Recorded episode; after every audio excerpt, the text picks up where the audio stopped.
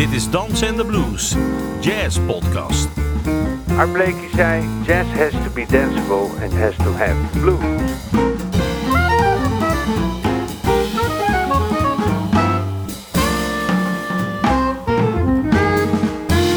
Je luistert naar een aflevering van Dansen en de Blues. Een podcast over jazz met kleurrijke gasten, indringende gesprekken, sterke verhalen en vooral swingende muziek.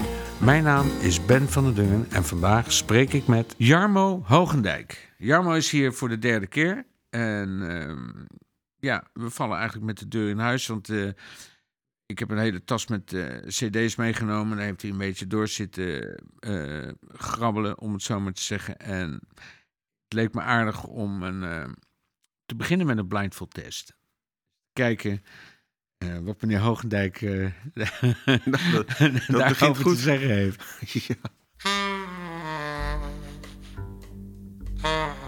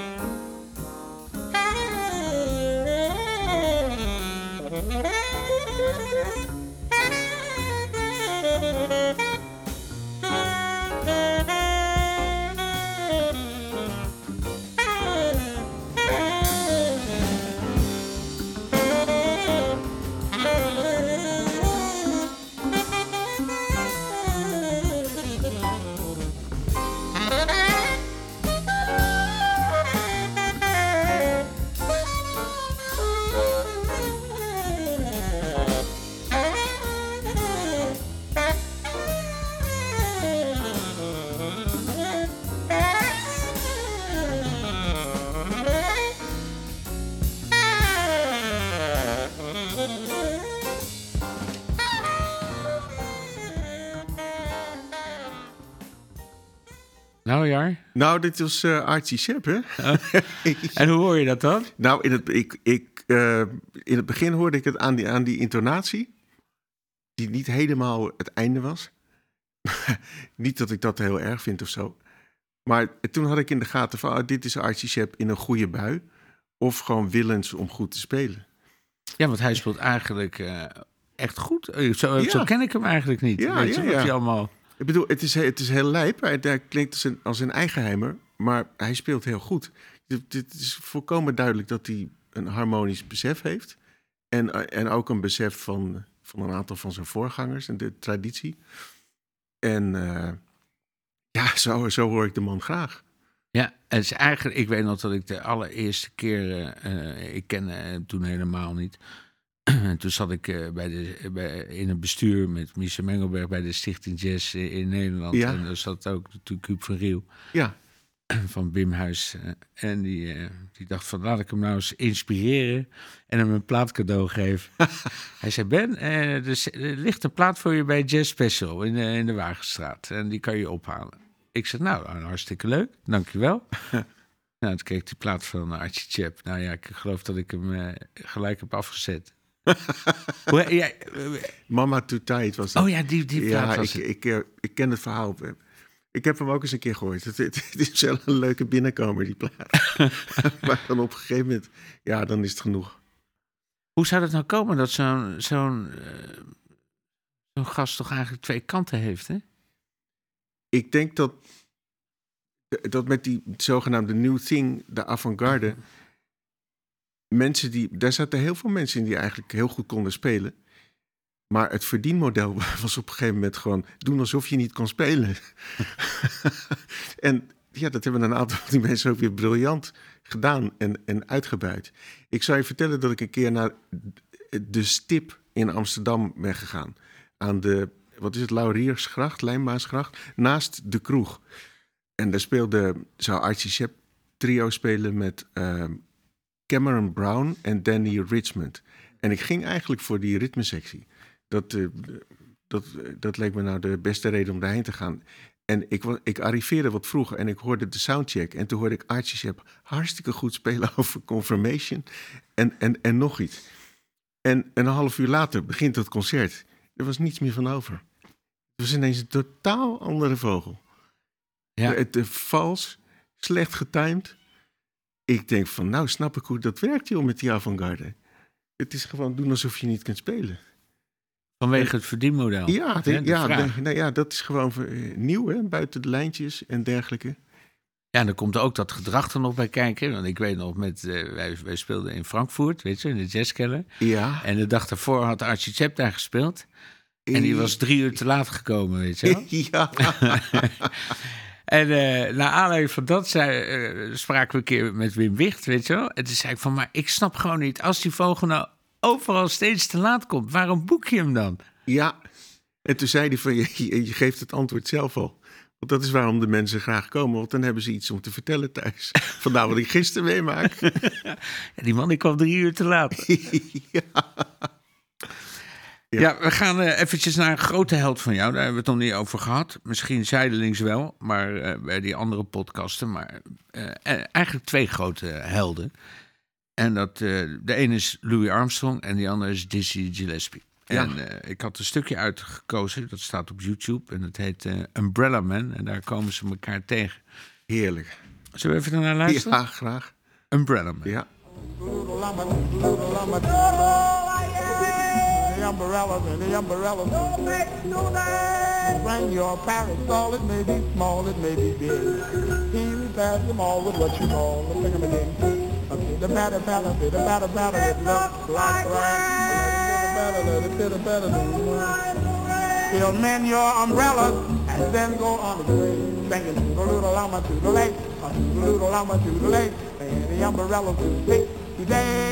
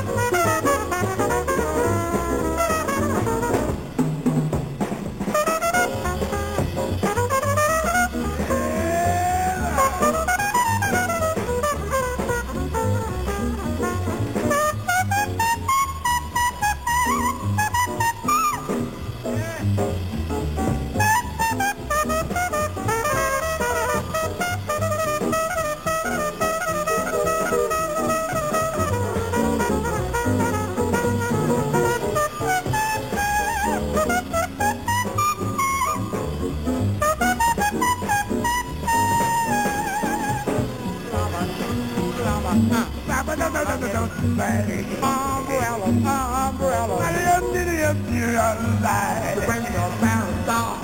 It may me small. Your very solid juicy boy. Oh, turn that way. Better, better, better, better. It looks like rain. Better, better, better, better. We don't mind.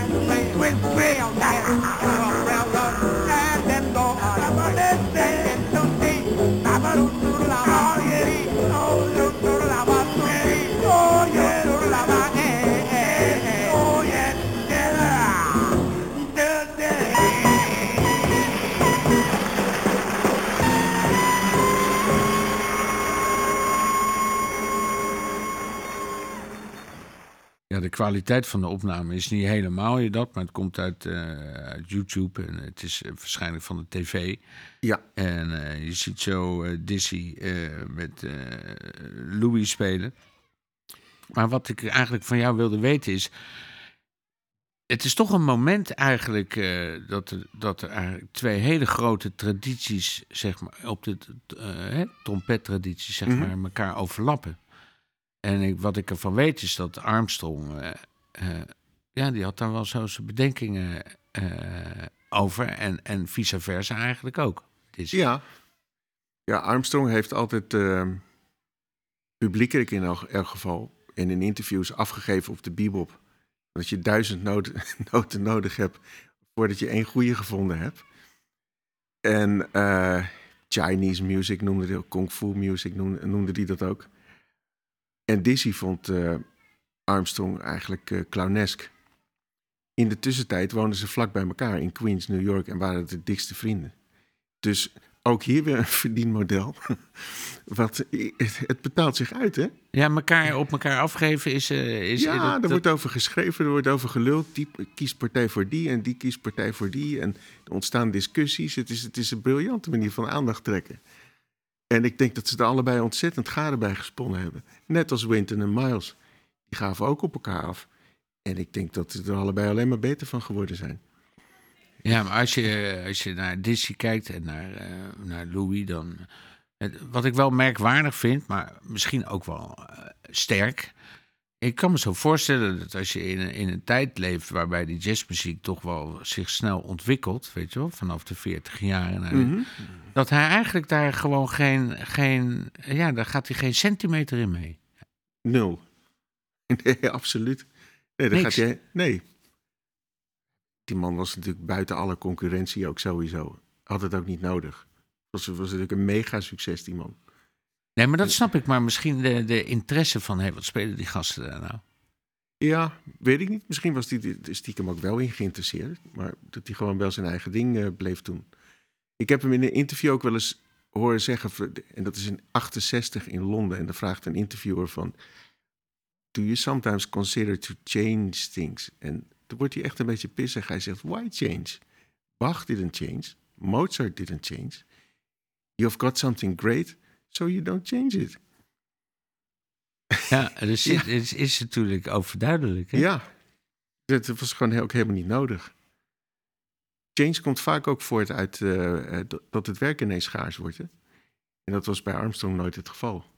Dus ineens moet je iets verzinnen van, ja, eh, ik moet toch verkoopbaar blijven. Nou, laat ik maar eens iets anders gaan doen. Ik, de- ik denk dat dat heel vaak een drijfveer is geweest voor mensen om andere dingen te gaan doen. Ja, zo heb ik het eigenlijk nooit bekeken, maar het is wel logisch natuurlijk. Ik denk het wel. En het is, het is natuurlijk ook een legitieme reden. Ik bedoel, ik, ik betaal de huur van een ander niet. Dus ieder, iedereen moet natuurlijk eh, een kant uit. Ik begrijp dat goed. Maar als je, hoe heet het, die percussionist bij Miles, James Matume Heath, de zoon Ja. van Jimmy Heath, die speelde conga's bij Miles in de vroege jaren zeventig. En toen was er ook een, eh, een enorme discussie tussen hem en Stanley Crouch. Ehm, op Stanley Crouch moet je even uitleggen aan de mensen. ja, Stanley Crouch, dat is zeg maar de, de, de man die altijd begeleidende teksten bij platen van Winton eh, schreef. En die ook, eh, die oorspronkelijk als avant-garde drummer was begonnen, maar dat, die, eh, de- heel succesvol was hij daar niet in. En toen is hij eigenlijk samen met Winton en David, nee, sorry, Albert Murray, de schrijver, is die eh, Lincoln Center, eh, dat jazzprogramma, heeft hij opgericht. Zijn ze zich meer op de traditie eh, gaan richten. En, maar die, de, James Matume, die, die werd dus aangevallen in een televisieinterview. Je vindt het op YouTube. Dat eh Crouch die zegt van ja, het was gewoon een uitleveren aan de commercie en dit en dat en dat. En James die, die relativeert dat. Die zegt ja, Miles die zat gewoon met één ding in zijn maag. We are losing the young black people. En die luisterde allemaal naar James Brown en Jimi Hendrix en, en dergelijke. Aretha Franklin, weet ik veel wat. Dus to- toen kreeg je de, de jazzrock escapades van Miles. Ik denk niet dat dat zo van binnenuit kwam. Het was gewoon van, hé hey, ja, we moeten iets doen, want anders pissen we ernaast. eigenlijk zie je die hele paniek ook, ook in, in het Nederlandse veld. Het is exact dezelfde paniek die je nu ziet, die je 50 jaar geleden zag. Ik bedoel, die hele ontschottingsgolf van die eind jaren 60, jaren 70, dat is exact wat je nu ziet. enige verschil is dat toen. Nu zijn het ook nog eens de overheden die nog even een, eh, een handje meehelpen. Van je moet, je moet buiten de lijntjes kreuren, anders komt er geen subsidie. En je moet dit en je orkest moet eh, divers zijn. En je moet aantonen dat je een plan hebt dat je een divers publiek in je zaal te zien krijgt. Dus dat komt er nog eens een keer bij in deze tijd. Dat je ook uh, uh, dubbel uh, niet anders kunt. Ja, dan is het verdienmodel, zeg maar, je, je richten naar de, naar de subsidiereglementen, ja. weet je wel. Maar de, de paniek in, in zeg maar, de, naar het publiek toe, weet je wel, van wat vinden we nou leuk? Of wat vinden de mensen nou leuk? Dat is een beetje gewoon. Hè, je ziet toch gewoon, hè, die probeert wat en die doet wat en die doet. Het is ja. eigenlijk een. Uh, ja, ik, ik vraag me nou af. Al die mensen die uh, eigenlijk gewoon van, zeg maar, de, de straight ahead jazz uh, houden. Wanneer komen die dan aan bod? Dat niemand daar dan aan denkt. Want dat ja. zijn er natuurlijk toch nog steeds een hele hoop mensen. Dat lijkt me een hele grote bevolkingsgroep. Daar zitten natuurlijk, uh, laten we eerlijk zijn, veel mensen van 50 plus uh, ja. bij. Veel witte mensen, veel hoogopgeleide mensen. Dus is het gauw elitair, wordt het gauw elitair genoemd. Maar je, maar je excludeert op zo'n manier natuurlijk wel de grootste bevolkingsgroep die er rondloopt. Dus ja. ik vind dat hele verhaal over diversiteit, inclusiviteit, vind ik, vind ik een heel betrekkelijke term wat dat betreft schrijft, je schrijft een hele grote bevolkingsgroep zomaar even opzij. Die helemaal niet zo uh, gediend zijn van, van muziek met rookmachines en, en, en, en, en videoprojecties uh, op de achtergrond. En, en nog eens even een rapper erbij en een, en een uh, presentator in, in een Vergeet de oet niet. Sorry? Vergeet de oet niet. Oh ja, ja met de oet in de hand kom je door het ganse land. hey, maar even terug op de, de, die twee uh, giganten op trompet. Ja.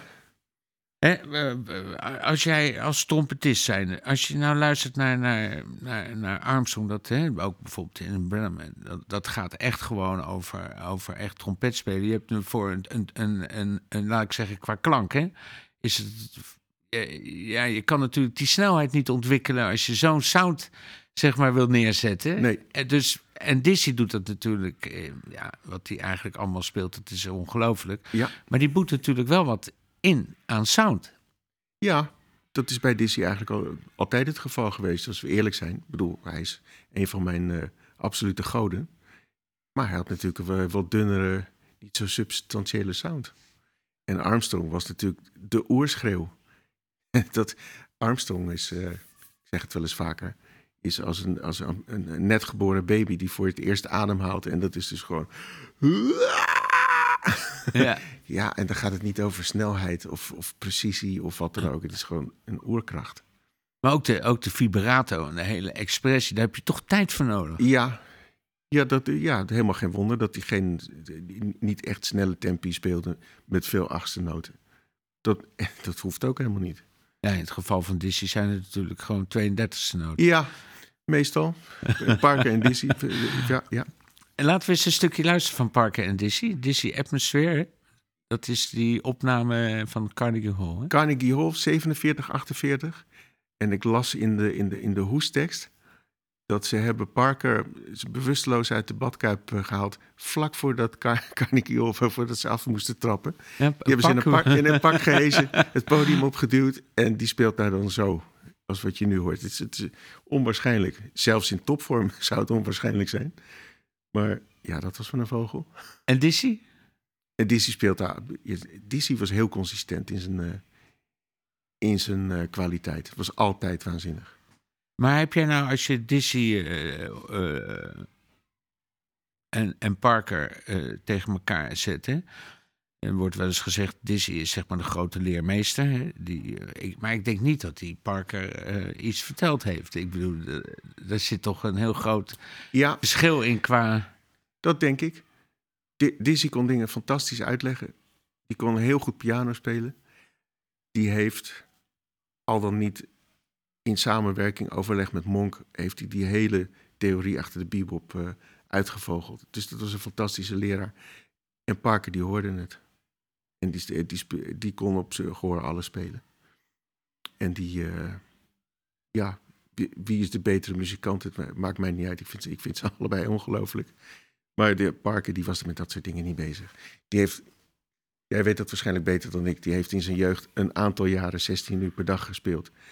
En vanaf dat moment eh, was het gewoon vliegen op, eh, op, op eenzame hoogte en, en ook net zo snel weer afgelopen. Ja, en bovendien had hij wel wat anders aan zijn hoofd. ja, die had hele andere dingen aan zijn hoofd, ja. ja. We gaan even een stukje luisteren.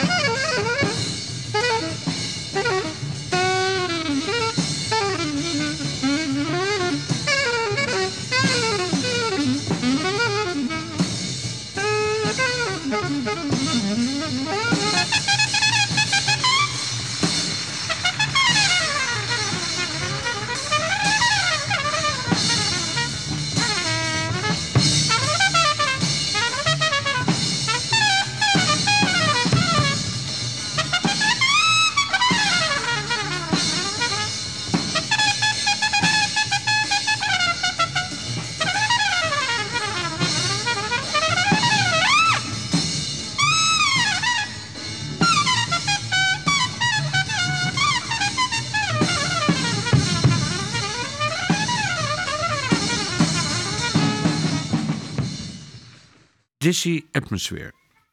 Eh, we gaan nu een stukje luisteren van Armstrong. En jij hebt een stukje uitgekozen dat heet eh, Best Oh, Where is My Best? Van die plaat eh, Porky and Best met Ella Fitzgerald. ja, Waarom? het, is- het is een geweldige plaat, maar ik, ik vind hier zijn zang op zijn ontroerendst. En op een gegeven moment is er één, noot waar die zo van onderaf aan... boeia, En dat vind ik zo ontzettend... de- met zijn trompet spelen ook, hè. Het is eigenlijk gewoon eh, wat een klassieke trompetist nooit zou doen. Dan raken we gewoon een noot waar die zit, piep. En Armstrong was er... "Huah." en dat vind ik hier bij zijn zang bij uitstek eh, eh, geslaagd. De manier waarop het opgenomen is ook. En ik vind, ik vind het zo'n ontzettend mooi stuk ook. Van Gershwin met de chromatische taal en de twee vijven in de bridge. Ja, Wow. We hebben nog wel eens gespeeld met Nueva Manteca ook, hè? ja Was het jouw arrangement? Nou, volgens mij hebben we dat samen gemaakt. Want Ja. ja, jij, jij wilde dat, dat, dat stuk, zeg maar, eh, ehm, eh, graag eh, spelen. Omdat we dat Porky and Best ding deden. En toen kregen wij van Jan de opdracht van... ja, ik kan niet dat hele ding doen en jullie moeten ook wat doen, weet je wel. En toen zijn wij samen met dat stuk aan de slag eh, gegaan. En daar kwamen hele leuke dingen uit. Zo, eh, weet je wel, het was wel een eh, Ja, apart arrangement. Eigenlijk vind ik het wel heel geslaagd. Maar dat was, hebben we samen gedaan. het is lang geleden, maar er staat me iets van bij, ja. Ja, zeker. Ik, ik vind het ook niet raar dat je het niet meer weet. maar toevallig weet ik dit dan weer wel. Ja, Maar als je heet het naar, terug naar even naar Armstrong, hè, dat eh zat ik me net te realiseren. Als je k- kijkt naar zijn hele discografie en al die stukken die hij opneemt, of het nou eh, Dis, weet je wel, Disney boek is of eh, Ja. de Good boeken, weet je wel, of noem maar op. Hoe, hoe, hoe- hoe gaat dat eigenlijk? Ik bedoel, zou hij al die stukken gekend hebben? Krijgt hij dan, eh, krijgt hij, ja, ik bedoel, hij krijgt natuurlijk een opdracht, maar wat ik er zo bijzonder aan vind, het is ook gelijk de meest, meest klassieke. eh, het, het, het is gelijk neergezet als van dit is eigenlijk dit is de, de uitvoering. ja, dit is de uitvoering, de, de, de standaard voor, voor dit stuk. Dat is met heel veel stukken gebeurd. Al vanaf de jaren 20, vroege jaren 30. En hoe Het- komt het- dat? Soms, soms, soms hele flauwe liedjes. ehm, die bij een ander helemaal niet bijzonder zouden hebben geklonken. Waar hij iets van, van, van wist te maken. Ja, het grote geheim van, eh, van Armstrong. Hè? Hoe, hoe kun je een lullig liedje goed laten klinken? Wat we zo gaan luisteren is overigens een heel mooi liedje. Maar ik, eh, ik weet het ook niet. Eh, Nee, het is een raadsel, hè? Ja, dit is absoluut het, het raadsel. Ja. Zou hij al die stukken paraat hebben gehad? Eh, ik, ik weet dat hij snel dingen oppikte en leerde. En hij kon ook he- he- heel snel alles in één keer noten lezen. Eh, laat je door niemand het wijs maken dat geniale mensen niet kunnen lezen. Zeker Armstrong, die was heel snel in de studio. Stukken van, van Ellington ook, weet je, Armstrong en Ellington, The Big Reunion, alles in één keer lezen. En eh, ik, heb, ik heb veel van die eh, partijen ook gezien. Hij las alles gewoon weg. Ook sommige trompetbreaks stonden gewoon opgeschreven. En ik heb in de Armstrong Archives heb ik ook ehm, een tape gehoord die Dave Brubeck en zijn vrouw, zijn vrouw Iola Brubeck, die schreef teksten. Die, eh, en Dave Brubeck achter de piano, die, die nam het hele repertoire van de plaat eh The Real Ambassadors op, op een tape. Hebben ze aan Armstrong gestuurd van, nou Louis, eh, dit is het. Kijk even, zijn, zijn, dit, zijn deze toonsoorten, ligt het goed voor jou? Laat het anders even weten. Dus die stuurde hem al als een soort guide voor de opname in de studio. Al gewoon die liedjes op. En hij, hij bereidde zich daar wel op voor. Maar dat ging bij hem heel snel. Goed gehoor ook. Goed kunnen lezen. Een hele natuurlijke eh, muzikant. Oké, we gaan even luisteren naar eh, Armstrong. Bes, Obers, maar Bes.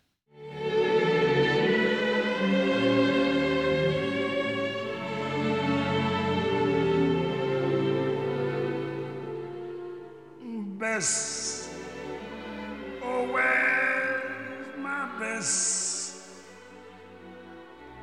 Somebody tell me where? I don't care what she says. I don't care what she's done. Want somebody tell me where is my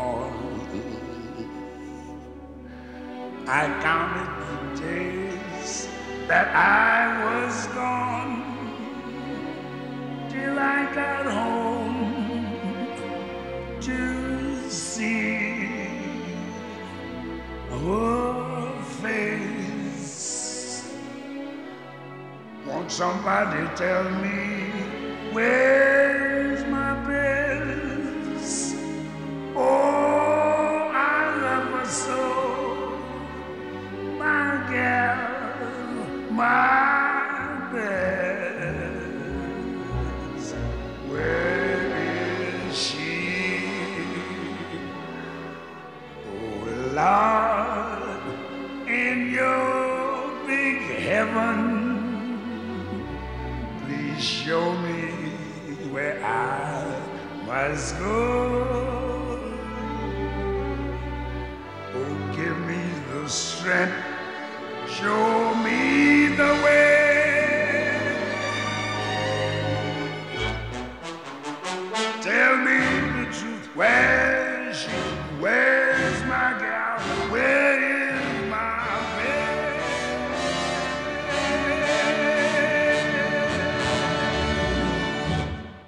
Louis Armstrong. Zes weken geleden is, eh, is er een eh, saxofonist overleden waar jij veel mee gespeeld hebt. Ah, Dick Vennick. Ja, Dick Vennick. Jij zat in dat sextet, toch? Ja, het, het, eerst was er het ehm Rijn de Graaf Dick Vennick kwartet. Dat heeft sinds 64 eh, bestaan. Dat heeft 25, 30 jaar bestaan. In de laatste jaren heb- hebben ze daar Bart van Lier en mij aan toegevoegd. En toen werd het een se- een sextet. Dat was eigenlijk in het begin hè, van je carrière. Ergens 87 of zo, kan ik me herinneren. Eh, ik denk zo tussen 86 en 89. oh ja. Daar hebben we veel mee gespeeld. En dat wa- was echt een, een heftig orkestje, joh. Zo ben ik ook op het idee gekomen om eh, ehm, Erik Ineke in ons quintet eh, te vragen. Oh ja, dat weet Want ik de, nog de. Erik kende ik daarvan en dat, ja, dat, dat, dat ging er stevig aan toe. Zat ook Harry Emery bij? Die viel wel eens in, Of was maar het in, Koos? in principe was het Koos. Harry viel wel eens in. Ook Wim Esset ken ik daarvan. Die heeft ook wel eens. eh, die, die, die, die, kende Rijn de Graaf en eh Dick Vennick ook nog uit de jaren 60. Die viel ook wel eens in. Goeie sound, hè, Dick? Ah, Dick heeft een sound, dat is werkelijk waanzinnig. Daar kon je tegenaan leunen, joh. Dat was echt een, een ke- een kenmerk van hem op die tenor. Echt van onderuit, eh, vanuit de onderbuik. Werkelijk een sound. Hij nou een ballad speelde of, eh, of iets anders. Het was echt, echt heel bijzonder. Die hebben zo lang met elkaar gespeeld, eh Rijn Graaf en Dick Vennick. En, ehm, en op een gegeven moment houdt het dan opeens op. Ja, dat kwartet heeft eh, de, de- lang bestaan. Ik, ik weet dat we 25 jaar gevierd hebben in het Bimhuis. En toen op een gegeven moment is Rijn heel veel van die series eh, Stooncursus Bibel Oh ja. gaan doen. Ja. Waar die eh, beroemdheden heeft uitgenodigd. Heb ik ook nog een paar keer bij mogen zijn. En Dick Vennick heeft toen voornamelijk in het Metropoolorkest gespeeld. Daarna heeft hij na zijn pensionering ook nog veel in eh, musicals gespeeld. Waar die Teus Nobel tegengekomen is. Die ook in, de- in musicals speelde in die tijd. Dus het is eigenlijk heel grappig dat zowel Teus als ik... ja, toch wel eh, onze eerste professionele stappen samen met Dick Vennick hebben gedaan. Ja, ik vind het toch wel aan de ene kant, als je zo, eh, zo eh, jazzcarrière achter de rug hebt, hè, ook bij de Skymasters, en, dat je dan toch zeg maar, aan het eind van je leven zeg maar, je poe moet verdienen in een musical. Dat vind ik dan, daar, dat vind ik dan toch wel enigszins moeilijk, weet je wel. Dat vind ik dan, Ja, ja, dat heb ik dan wel, weet Hij- ik niet. Ja, Ja. hij, hij zat er niet mee en dat maakte hem ook niet zoveel uit. Ik denk dat hij het geld ook niet nodig had. Want ik weet zeker dat hij een goed pensioen heeft gehad. En, eh, maar hij was nog helemaal in vorm. En bij het Metropoolorkest moet je op een gegeven moment weg als je 65 bent. had gewoon nog zin om te spelen eigenlijk. Ik- ik- ja, wat zal het geweest zijn? Maar ik, eh, ik, ik, ik heb hem een paar keer gezien in zo'n musical. En dat deed hij uitstekend. En eh, volgens mij had hij er niet de minste moeite mee. Joh. We gaan een stukje luisteren. Ja, You've changed.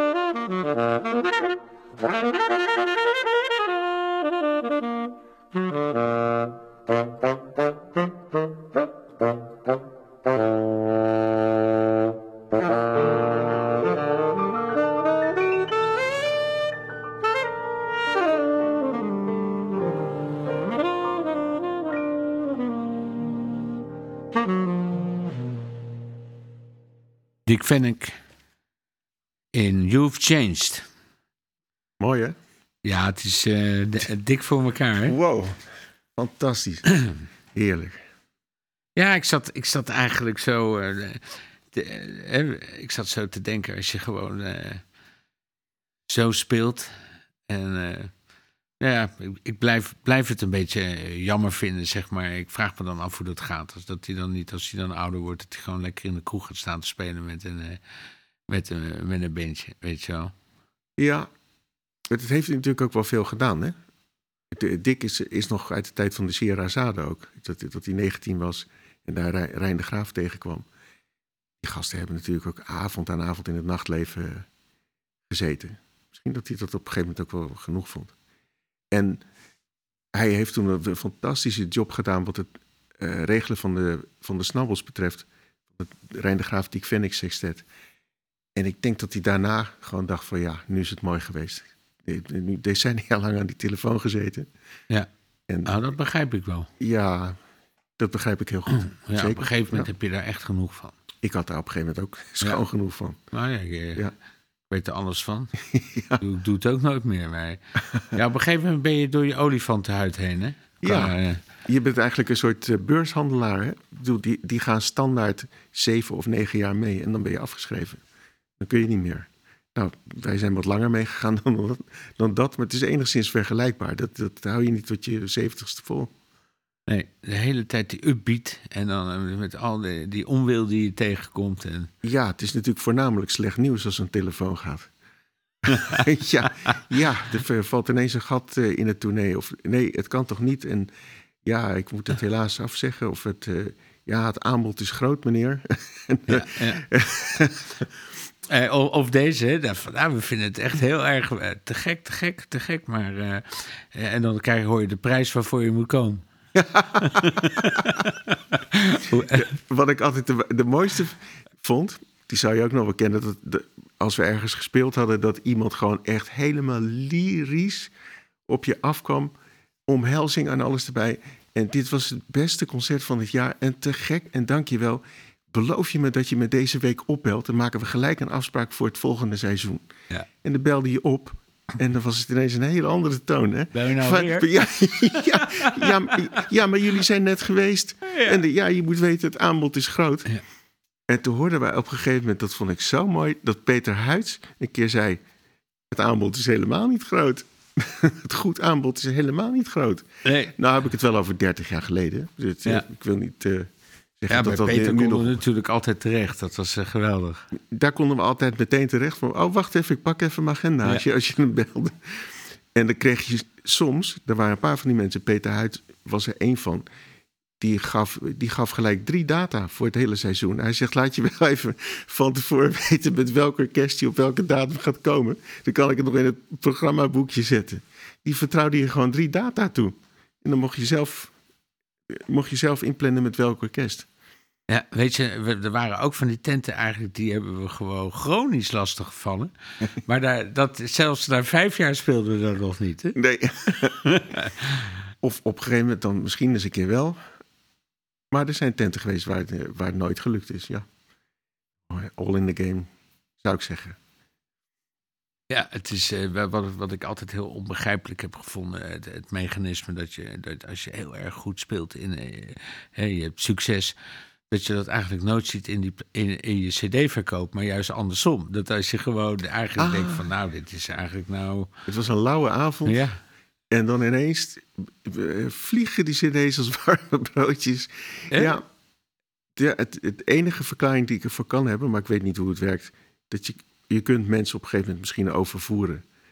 Met- Als ze gewoon een lawine van twee keer een uur over zich heen krijgen, dat ze niet meer zoiets hebben van, dit ga ik thuis vanavond nog eens lekker Ja. opzetten op een cd. Maar als je ze niet alles geeft, je, je laat je, niet, je laat niet het achterste van je tong zien. De kans dan groter is dat mensen denken van, nou, hier wil ik nog eens meer van horen. Ja, Ja. wie ook. eh, we, hebben het net over de Tor en de. eh, eh, Peter Huids. Wie ook echt veel in, eh, in die tijd in, in Nederland was, was natuurlijk in allerlei combinaties. Was eh Sid Wolten. Cedar Walton. Ja, Want ik zat net, ik, eh, ik heb die hele stapel met eh, CD's hier. ja, En ik pikte hij gelijk die, eh, die CD eruit met eh Abby Lincoln. ja, de maestro. Die is opgenomen eh, vlak nadat Ellington was overleden. Dus als tribute to Ellington schreef eh Cedar Walton het stuk De Maestro. Een van zijn mooiste stukken. Ja. 1975 of zo. En, hoe, eh, en Abby Lincoln natuurlijk. En- Abby- goede vondst om bij dat kwartet te zetten. Het is een fantastische vondst. Ze, speelt, ze zingt ongeveer de helft van de, van de stukken mee. De rest is eh, instrumentaal. En dat was mijn eerste kennismaking met Abby Lincoln. En dat, eh, nou, dat hakte bij, mij- bij mij wel in. Vond ik echt geweldig. Wat een... Ja. We hebben er vaak live gezien, hè? ja Een koningin, hè, is het. wat een koningin. Wat een verschijning op dat podium. En ik heb er toen een keer in de Anton Philipszaal... Toen zei eh, Gabriel Oostvogel, de toenmalige directeur van de Anton Philipszaal... die zei na afloop van het concert, hij zag mij... Hij zegt, ga mee naar de kleedkamer, joh. Wil je kennis maken met haar? En eh, nou, natuurlijk. Dat het eigenlijk een heel fragiel... eh, bijna angstig klein vrouwtje was... met een grote fles cognac naast haar die bijna leeg was. Nou, dat- en ze had een geweldig, ontzettend ontroerend concert gegeven. Ik zat vaak met een, met een brok in mijn keel. En uiteindelijk was het gewoon een, een vrouwtje die daar gewoon in alle bescheidenheid een handtekening zat te geven op haar cd voor een rijtje mensen die daar voor haar stond te, te wachten. En zo lief en zo. Wow. Dit is heel iets anders dan dat je denkt eh, van, nou ja, nou krijg je echt een koningin te zien met een air om zich heen. En van daar moet je niet bij in de buurt komen. Ja. Nee, ze was ja ontzettend lief en eh, heel dankbaar. En ja, dat vond ik, eh, vond ik echt een geweldig moment, joh. En zo, als je naar die carrière kijkt, weet je, ik, ik heb er nog eh, gezien in, eh, in Mission Impossible. Hè, daar speelde ze die secretaresse, die zwarte dame. Ja, Ja, ze was natuurlijk eh, eh, actrice ook. Dat je dan eh, in één keer gewoon, ja, weet je, ze was natuurlijk heel activistisch. ja, Hè? Met de Freedom Now eh, suite. Ja. En, eh, ja, dat, dat kostte natuurlijk wel de, haar carrière, zeg maar. nou, dat zou heel goed de reden kunnen zijn geweest dat ze... Schat ik zo in hoor. Ja, ja dat kan. En dan, ja, ze heeft altijd ook, ook platen gemaakt met bijzondere combinaties. Hè? Dan weer met Stan Getz, Ja, of Steve Coleman Band. Ja. Dingen die je niet zou verwachten. Ja, Samen met Stan Getz zou, je- kun je nog verwachten. Maar inderdaad, Steve Coleman en Archie Shepp ook nog. Ja. ja, die heb ik live nog gezien. Dat vond ik minder, maar goed, oké. Die twee? Nou, eh, ik, ik heb Abby Lincoln altijd geweldig gevonden. Maar ik, ik, ik heb die combinatie niet zo gesnapt. Laat ik het, zo, laat ik het daarop houden. Nee. Er zat waarschijnlijk een soort, soort activistisch motief. De, de, Shepp was ook heel activistisch. Ja, en we hebben ze en we hebben er ook een keer gezien. Ik weet niet of jij er ook bij was. In, op het Noordzee. eh met die Belmondo Brothers. Nee. Die Franse, eh, die, die, die twee broers, weet je wel. ja, ja, speelt, eh, trompetten, saxofoon. Ik, ik ken ze. Ik heb dat concert helaas niet gezien. Ja, dat was geweldig. En zo'n rode jurk, wat een verschijning. Zo, En we gaan even luisteren naar de maestro. Met Sid Bolton een kwartet met Billy Higgins, Sam Jones en Bob Burke. ja.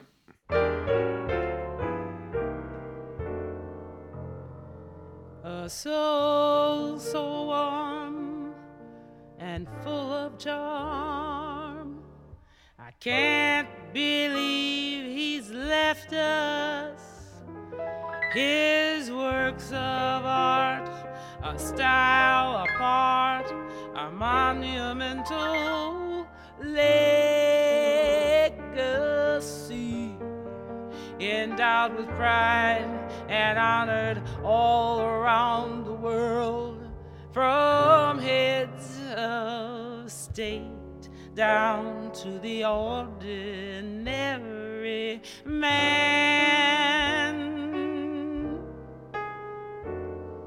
Distinguished with our royalty, enjoyed but once a lifetime.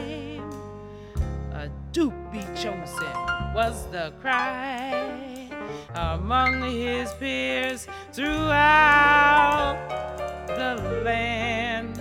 For those who only knew they loved the sound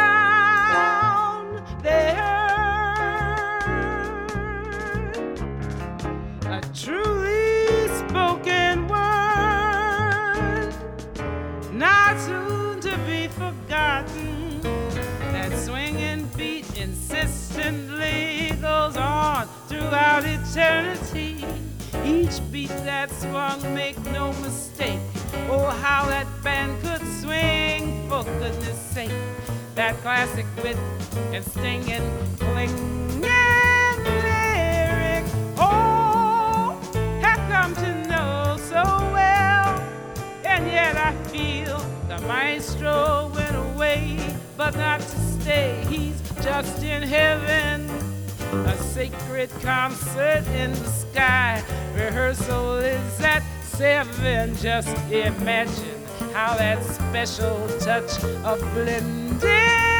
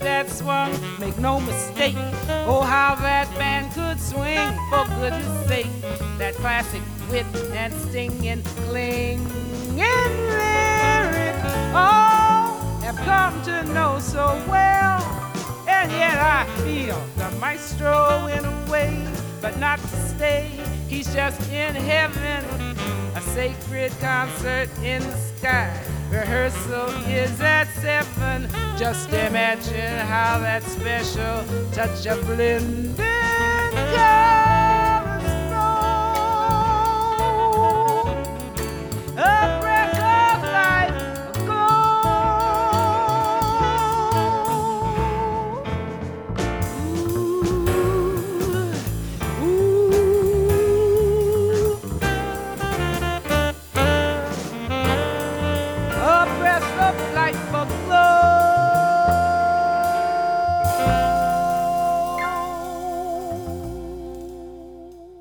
Maestro, Sidney Walton. Ja, het is eigenlijk wel mooi dat je hè, in de tachtiger jaren zie je eigenlijk eh, dit soort mensen zoals Bob Burke en, en, en eh, Sidney Walton en eh, ja, die hele stal van eigenlijk Wim Wicht. Ja, Hè, die zie je overal gewoon zich helemaal gek spelen. En aan de andere kant heb je dan de populaire fusion eigenlijk. Weet Ja. je? Dat is eigenlijk wel mooi dat die mensen gewoon ja, met normale, nou normale, maar gewoon in vieren jazz, om het zo maar te Ja. zeggen, gewoon zo'n succes hadden. ja, want die hadden natuurlijk ineens heel veel concurrentie niet meer. Van mensen die allemaal eh, eh, fusion, funk, jazzrock waren spelen. Ik bedoel, Blue Mitchell, Donald Byrd, Freddie Hubbard, eh, Miles. Waren allemaal fusion aan het spelen. En ik weet dat Wim Wicht heeft me een paar jaar geleden verteld. Hij, hij is in 1974 begonnen. Hè? Ne- eh, toen studeerde hij nog aan de Universiteit in Wageningen. Ja. Landbouw, eh, nog wat.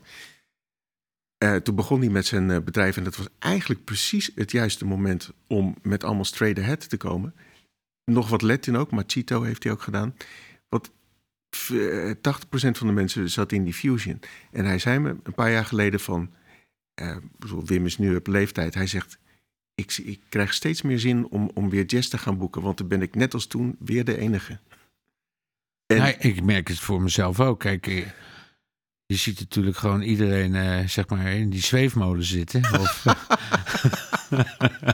of, eh, nou ja, van alles nog wat erbij te verzinnen, weet je wel. Maar ja, ik speel eigenlijk gewoon maar een beetje in vieren. En ik heb eigenlijk... ge- er zijn eigenlijk weinig groepjes die het nog doen. Nou, het, het kan niet anders dan dat dat een succes is. Want er zijn natuurlijk mensen zat die daar naar smachten. Om, om, om zoiets te kunnen horen. Ik denk dat heel veel programmeurs het eigenlijk ook wel leuk vinden. Als iemand dat een keer aanbiedt. Ja, dat hebben we eigenlijk niet zo vaak. Ja, toch had hij wel een aparte kijk op de zaak, hè, Wim, eigenlijk. Als Tot- je dat zo- Totaal. Absoluut. Eh, Tot een hele de, slim. Hij kwam precies op het juiste moment. En hij heeft nu weer een soortgelijk plan. Van nu is gewoon het moment om weer gewoon de, de straight ahead jazz eh, erin te duwen. Ik weet nog wel dat hij eh, ons probeerde te koppelen aan een Amerikaanse ritmesectie. Hè? Ah, was dat Ja, dat, Ja. dat zat hij. Hij wilde graag dat wij iets deden met hem. dat we dan in Japan, in, in de Blue Note in Japan of iets dergelijks, maar dan wel met een Amerikaanse ritmesectie. Uiteindelijk hebben we het niet gedaan. Ik weet niet meer precies, maar ja, het staat niets van mij. Ja, we wilden gewoon met. eh, met, eh, Met onze eigen Ja, band, ja, natuurlijk. Ja, Erik Ineke, Rob van Bavel, Harry Emery. Waarom zouden we... Ja, Ja, ik zei nog wel eens tegen hem. Ik zeg, Wim, waarom investeer je eigenlijk in een bejaardentehuis? Want ik bedoel, hè, worden, het- worden die tijdjes wat eh, voor de jonge garde gaat doen en zo, weet je wel? ja, En op een gegeven moment houdt natuurlijk wel een fantastische groep mensen die die verkocht natuurlijk. ja, Hè, Woody Shaw, eh Ja. Chet Baker, eh, ja, ongelooflijk. ja. Daar heeft hij waanzinnig mee gescoord in de jaren 70, jaren 80 ook nog wel. Nou, we gaan nog één stukje luisteren van, eh, van voordat we deze podcast afsluiten. Komt natuurlijk het deel 4, sowieso. Maar ja, we sluiten even af met Sabia, omdat jij dat zo'n goede pianosolo vindt. oh ja, Sabia van eh, Antonio Carlos Jobim. En eh, Bob Burke speelt alleen maar de melodie. Zo Ja. ontzettend mooi. En dan komt mijn favoriete Cedar Walton piano solo. Die is zo ontzettend goed. Zo ontzettend goed. we gaan even luisteren. Sabia.